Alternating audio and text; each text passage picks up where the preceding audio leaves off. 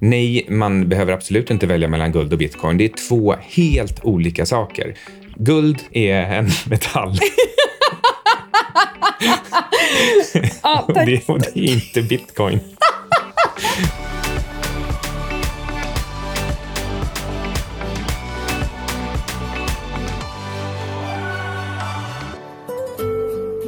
Välkomna till eh, vad som verkar bli en resepodd snarare än en finanspodd med tanke på hur mycket vi är runt i världen. Och vi, det är outsiders. Jag är Mikael Syding. Och jag heter Anna Svan. Var är vi? Vi är i Puglia, där pugilismen kommer ifrån. Vet du vad det betyder?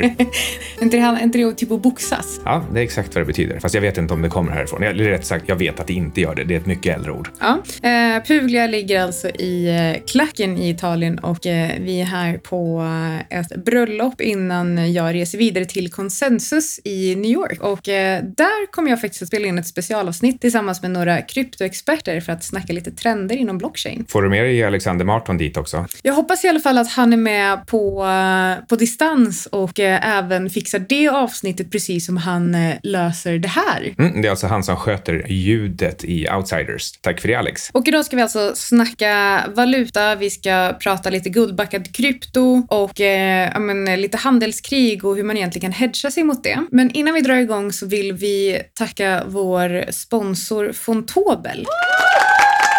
Fontobel är en enormt stor och stabil investmentbank i eh, Schweiz. Det är som ett Fort Knox för eh, ETP och eh, andra hävstångsprodukter. Eh, vi lämnar förstås inga som helst rekommendationer, men eh, om man nu efter sin egen analys vill handla till exempel saker som har eh, underliggande i form av guld eller silver eller andra alternativa tillgångar och vill göra det på ganska kort sikt för att eh, dra nytta av snabba rörelser, då är Fontobel precis den bank du vill hålla i handen. Precis, eller rättare sagt den bank som du vill håller dig i handen. Och eh, det här är som sagt ingen rekommendation utan se till så att du gör din egen analys. Mm, alla såna här saker kan gå upp och ner i värde, så eh, ja, ta ansvar själv. Precis.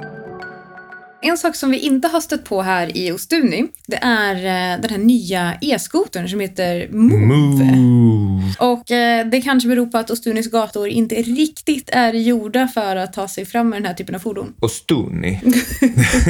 Nej, det är halt och smalt och brant, men eh, ganska vackert. Ganska vackert, väldigt vackert hade jag skrivit här. Men, men det, nej, det är faktiskt det är väldigt halt och smalt som sagt. Så vad ska vi snacka om idag? Vi, vi pratar alla de här olika valutorna och lite om vad Ingves har sagt. Vi kommer prata guldbackad krypto och eh, sen ska vi faktiskt eh, nämna bitcoin också. Eh, du har köpt bitcoin åt mig. Ja, det har jag och jag skäms faktiskt nästan över den här tajmingen för att jag köpte igen på typ fy- 4080 dollar eh, i slutet av mars och när vi spelar in det här från Italien så står bitcoin i över 6800 dollar och var uppe på 7500 dollar eh, senaste 24 timmarna. Men vi återkommer ju faktiskt till krypto i specialavsnittet som släpps till helgen tror jag det är. Jag minns att jag tänkte när du sa, nu har jag faktiskt gått in och köpt lite, lite krypto här. Eh, då tänkte jag att ja, men det var väl lite onödigt sent. För eh, jag tyckte att vi pratade om att köpa den här på eh, 3 och 3, 3 och 5 eh, och, och vi, hade en, vi hade ett scenario inför att det skulle vara ett år innan halveringen i belöning för, för krypto. Att det, det skulle kunna vara ungefär nu bra timing för månadssparande i bitcoin. Så jag tänkte, nej, det är väl så himla typiskt.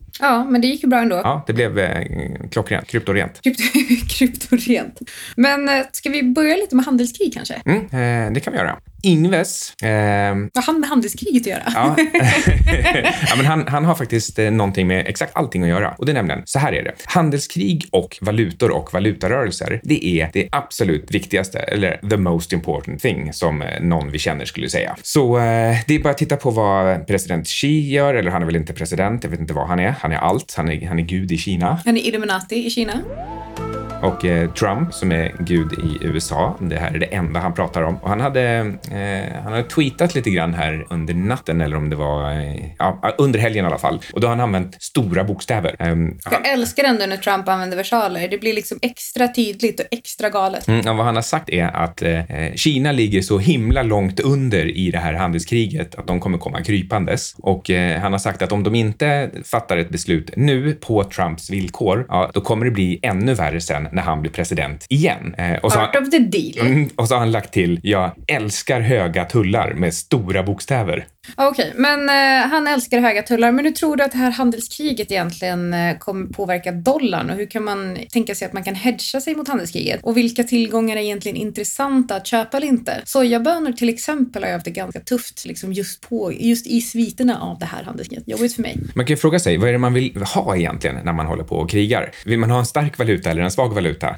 Ibland så pratar man som att man vill ha en stark valuta, för det är ett tecken på att det går bra för landet och eh, då kan man använda valutan till att ja, till exempel köpa saker, vilket kan vara ganska bra. Precis, och Trump har ju sagt att Kina är en valutamanipulatör och vad menar han egentligen med det och vad skulle det betyda egentligen för Kina och USA? Det lustiga med det, det är att vad han menar är att Kina försöker pressa ner priset på sin valuta. Det gör då att Kina kan sälja mer av sina produkter och det skulle på något sätt göra alla andra lite fattigare. Det här är ju det Ingves försöker uppnå också, eller? Ja, han försöker också sänka kronan, eller det är i alla fall det vi tog för givet att han försökte göra. Men eh, det verkar inte vara det han säger att han gör. Nej, och det är ju så, när vi nu ändå pratar om att manipulera valuta så vill jag ju såklart flika in och prata om Ingves. Eh, han fattar ingenting, eh, säger han själv alltså. Det är, det, som är så, det är faktiskt jättekul att han, att han säger det själv. Ja, nej, men för han har ju gått från att säga att det inte är Riksbankens jobb att eh, faktiskt stärka valutan och det var ju inte så himla länge sedan han sa det. Och nu har han istället sagt att han faktiskt inte förstår varför den svenska kronan blir svagare och svagare. Och i början av april, jag tror det var 5 april, så satt jag med i EFN tillsammans med Erik Strand som förvaltar Pacific Precious. Och eh, då sa jag faktiskt att vi borde lyssna mer på vad Ingves har att säga. Och vad sa han då egentligen? Att det inte är Riksbankens jobb att stärka kronan. Och därmed så skulle man ju faktiskt hört på honom att han sa kronan ska ner. Precis, och det här var alltså den 5 april, så det är lite drygt en månad sedan och då stod dollarn i 9,30. Eh, nu är den upp till 9,60 så det är liksom, eh, seken har blivit försvagad ytterligare 3% på en månad. Det är ganska mycket. Och tittar vi på euron som är egentligen ett sorgebarn i sig så har ser det ungefär likadant ut där. Från typ 10,40 till 10,80 också på drygt en månad. Drygt 3 procent i månaden, det är ganska mycket. Det blir rätt bra på, på ett helt år. Ja, verkligen. Så att, eh, nej men eh, jag hade väl rätt där och eh, nu känns det väl som att det gör lite ont att åka till både, både för att använda euro och dollar samma, samma vecka för att, man, för att man reser runt på de här nivåerna. Men jag tror faktiskt att det kommer fortsätta bli värre. Men du tänk... ja, ja, jag tänkte vi skulle ge Ingves en liten eh, lektion i hur valutor fungerar. Det finns ett par olika koncept som, som han kan försöka ta till sig. Ett är PPP eh, och, och, det är inte den här raplåten eh, PPP, are you down with me eller vad heter det? Yeah, you know me. Den här raplåten som, som Obama körde.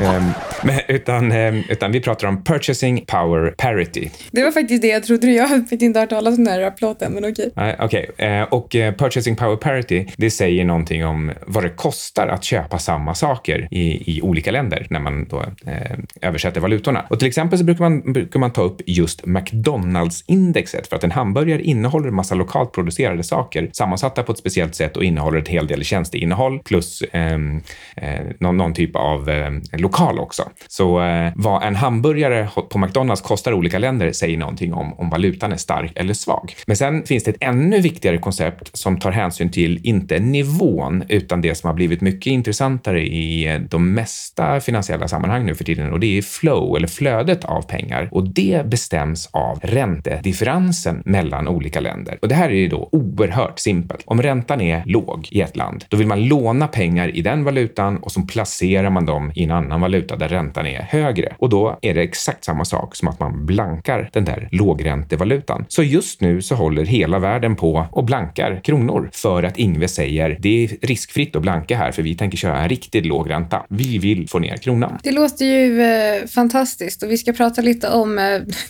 jag blir, liksom lite deprimerad, men vi ska prata lite mer om det här och hur man kan använda det här till sin fördel och eh, också lite om framtidens valuta, hur den kan eh, komma att se ut. Men eh, jag tänkte att vi kunde gå in lite på Dragis valutaskola. Vad är det han har varit ute och sagt? Han har haft sin egen då, eh, lilla lektion eller sammankomst med eh, oanande ungdomar som han då kallar för Generation Euro. Bara det är, låter ju helt värdelöst om jag ska vara helt ärlig. Jag ser framför mig hur de här eh, stackarna som är, inte vet någonting annat än att euron alltid har existerat och sen har personer, auktoritära figurer som Draghi hela tiden sagt att euron kommer alltid finnas, euron är det bästa som finns, eh, whatever it takes och så vidare. Och till dem har han sagt, eh, nu när eh, kryptovalutor går upp igen så ska ni veta, det här är inte riktig valuta. Jag älskar att Draghi säger det och jämför med euron som kanske är världens största skämtvaluta efter seken. Men euron är ju som sagt större så seken kommer på andra plats. Ja, det kommer säkert gå eh, riktigt, riktigt bra för generation euro.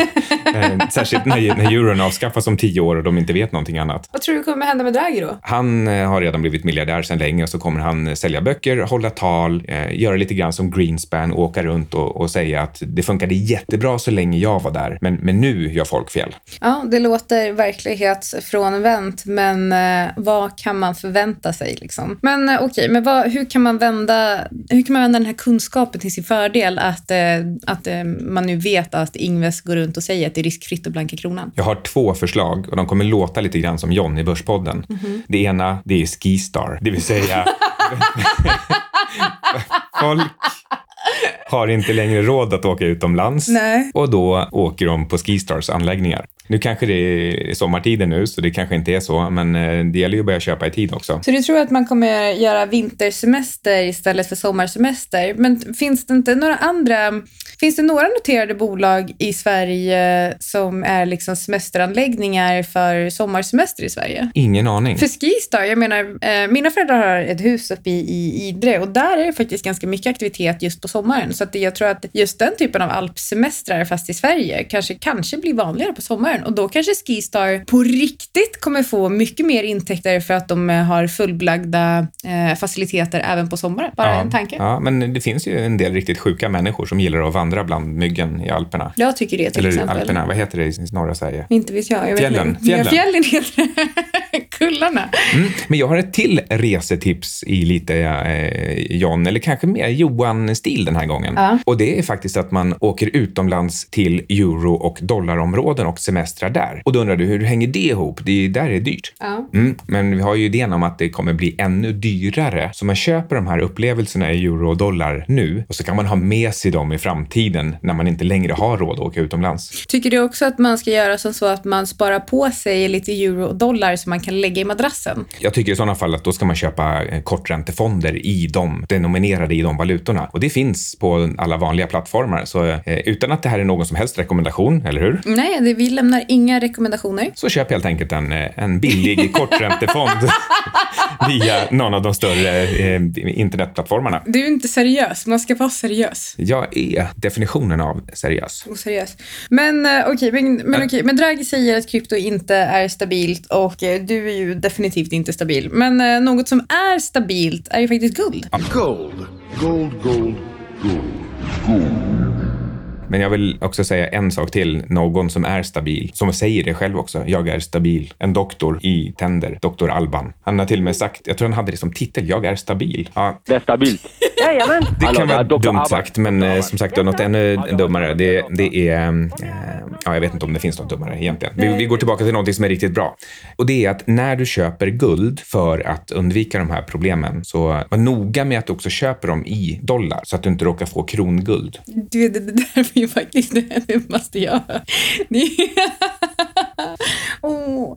Men Så här är det. Så vi vill bara poängtera det. Att, eh, nu var Micke oseriös igen, som jag sa nyss, nyligen. Eh, köper du guld så köper du guld. Så det går, du kan liksom inte köpa guld i dollar och, eh, dollar och SEK. Men om man köper det i kronor då? Vad händer då? Då har man ju kronguld. Men du kan ju fortfarande sälja guldet i dollar sen. Guld är guld. Nej, men nu, nu. Så jag har, jag har mina kronor Mm. och så går jag till en bank, eller inte en bank, en sån där hål i väggen och så köper jag några guldmynt. Då har jag ju köpt dem i kronor. Nej, du har växlat in svenska kronor till guld. Precis som när du eh, växlar in svenska kronor mot dollar. Då har du ju sålt kronor och gått lång dollar. Och på samma sätt så har du sålt kronor och gått lång guld. Jag tycker det verkar oerhört komplicerat. Men eh, sluta! Men nej, okej, skämt åsido. Det är klart. Har man köpt guld, då är det guld man har. Och det kommer inte förändras. Det har inte förändrats sen den där supernova-explosionen som skapade guldet.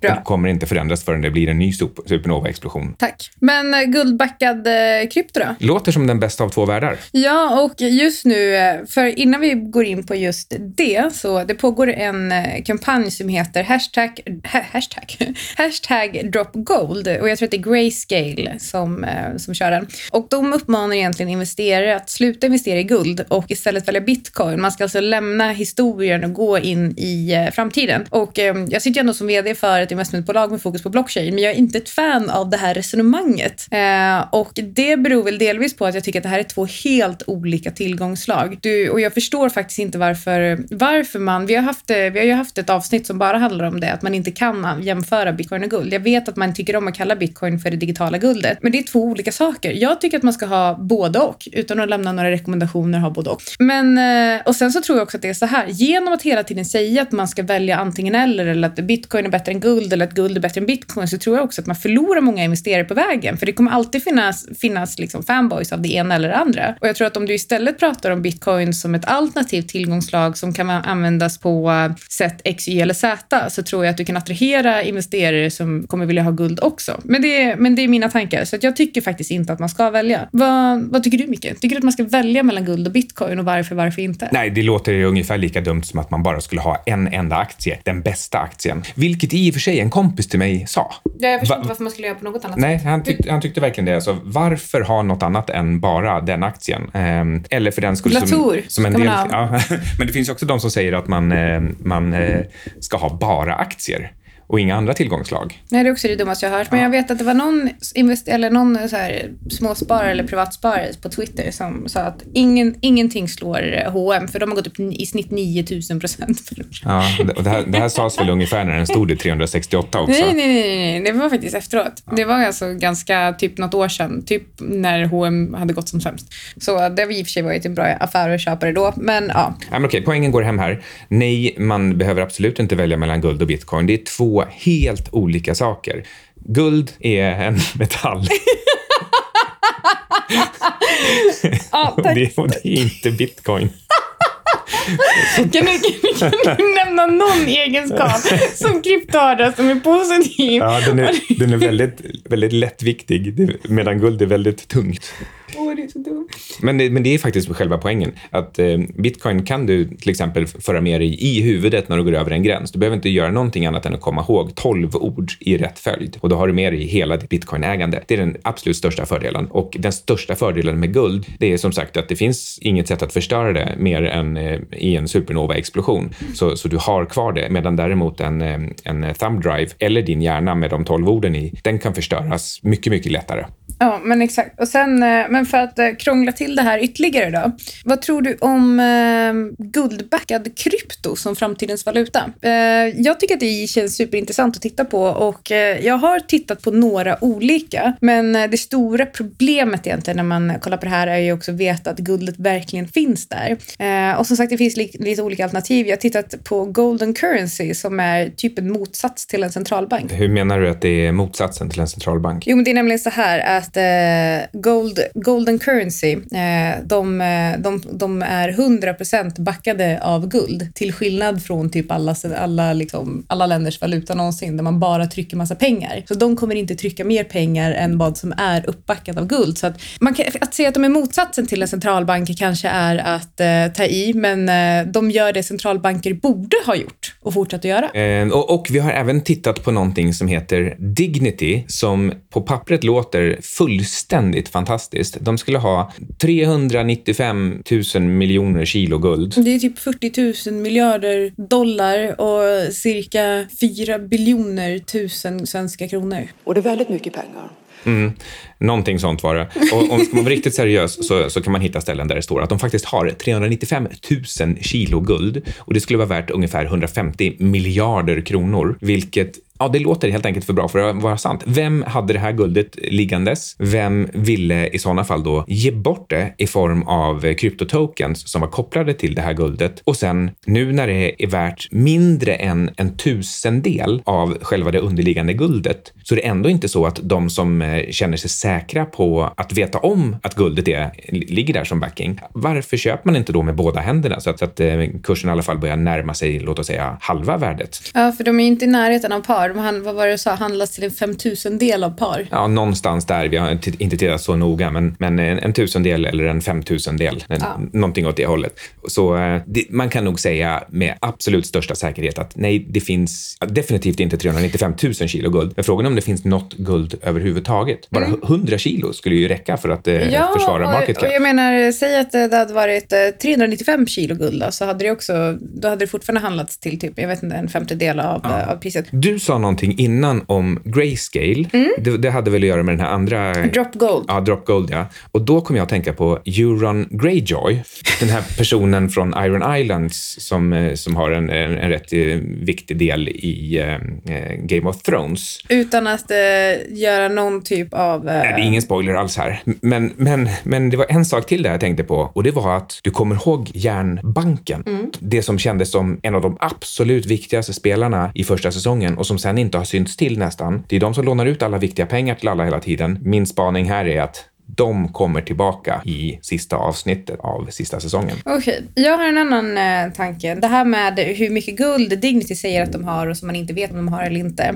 För att bara jämföra det, hur, eh, hur mycket har olika centralbanker? För vi kan göra jämförelse. Alla centralbanker i världen köpte totalt under första kvartalet 2019 145,5 eh, ton guld. Men eh, du sa någonting, vad har typ Ungerns centralbank och vad har, vad vad har eh, Sver- Sveriges riksbank? Det var någon av de här lite mindre bankerna i Europa, jag tror att det var Ungern då, men, men, det låter vara- ändå vara lite osagt. Och jag tror att de gick från att ha ungefär 50 ton till att ha ungefär 200 ton. Så det är den, den storleksordningen, det vill säga lika mycket som du sa att alla centralbanker tillsammans har köpt under första kvartalet här i 2019, år. precis. Och eh, vad, nu har vi inte, faktiskt inte kollat upp vad de andra eh, centralbankerna har, men jag tror att det är ungefär så här. USA har typ 8000 ton, någon, någonstans där. Låt oss säga mellan 5000 och 8000 ton, men jag tror att det är 8 000. Kina officiellt tror jag att de har cirka 3 000 till 4 000 ton, men det kan till och med vara lite mindre. Men inofficiellt så finns det beräkningar som säger att de snarare är någonstans på 5-6-7 000 ton. Kanske till och med ända uppe på USAs 8 000 ton. Det som jag tycker är lite intressant, och det, jag tycker att det låter orimligt att, eh, en, eh, att, eh, att Dignity då skulle ha mm, lika mycket och i, i vissa fall mer eh, guld eh, och backa sin valuta med, sin kryptovaluta med eh, än eh, vissa centralbanker. Sverige tror jag, eh, sa vi inte det förut, att eh, Sverige har lika mycket som eh, Hennes och Mauritz har t-shirts. Ja, precis, lager. Så, så någonstans i storleksordningen 50 miljarder kronor. Ja, precis. Vad det nu kan bli i, eh, om man delar med 400 kronor så blir det Exakt. någonting. Den eh, stora feta drömmen för eh, Goldbugs det är att centralbanker ska tvingas vara helt backade av guld. Så då är golden currency en, eh, den perfekta liksom, eh, Ja, så- samspelet mellan Precis, guld och krypto. Precis, man brukar liksom spela med hur många procent backning kommer man ha i slutändan? Och har man, har man bara en procent backning, ja men då kanske guldpriset idag är ganska rimligt eller till och med lite för högt. Och sen om man ska jobba sig upp till 25, 50 eller 100 procent backning, ja då kan du komma upp till guldpriser på 50 000 dollar per ounce. Vad sa du nu då? Det tycker jag låter jättetrevligt. Och med den riktkursen så kanske vi skulle ta och runda av eh, veckans avsnitt av eh, Outsiders. Men observera att det är absolut ingen rekommendation att eh, köpa guld och rida hela vägen upp till 50 000 dollar. Men, men, men gör det. Alltså, in, inte. Hej då. Jag tänkte vi skulle ge Ingves en liten eh, lektion i hur valutor fungerar. Det finns ett par olika koncept som, som han kan försöka ta till sig. Purchasing Power Parity. Hej! Yeah, you know me. PPP. Purchasing Power Parity. Hej! PPP. Are you down with me? Eller vad Purchasing Power Parity. Hej! Det säger någonting om vad det kostar att köpa samma saker i, i olika länder när man då, eh, översätter valutorna. Och till exempel så brukar man, brukar man ta upp just McDonalds-indexet för att en hamburgare innehåller en massa lokalt producerade saker sammansatta på ett speciellt sätt och innehåller en hel del tjänsteinnehåll plus eh, eh, någon, någon typ av eh, lokal också. Så eh, vad en hamburgare på McDonalds kostar i olika länder säger någonting om om valutan är stark eller svag.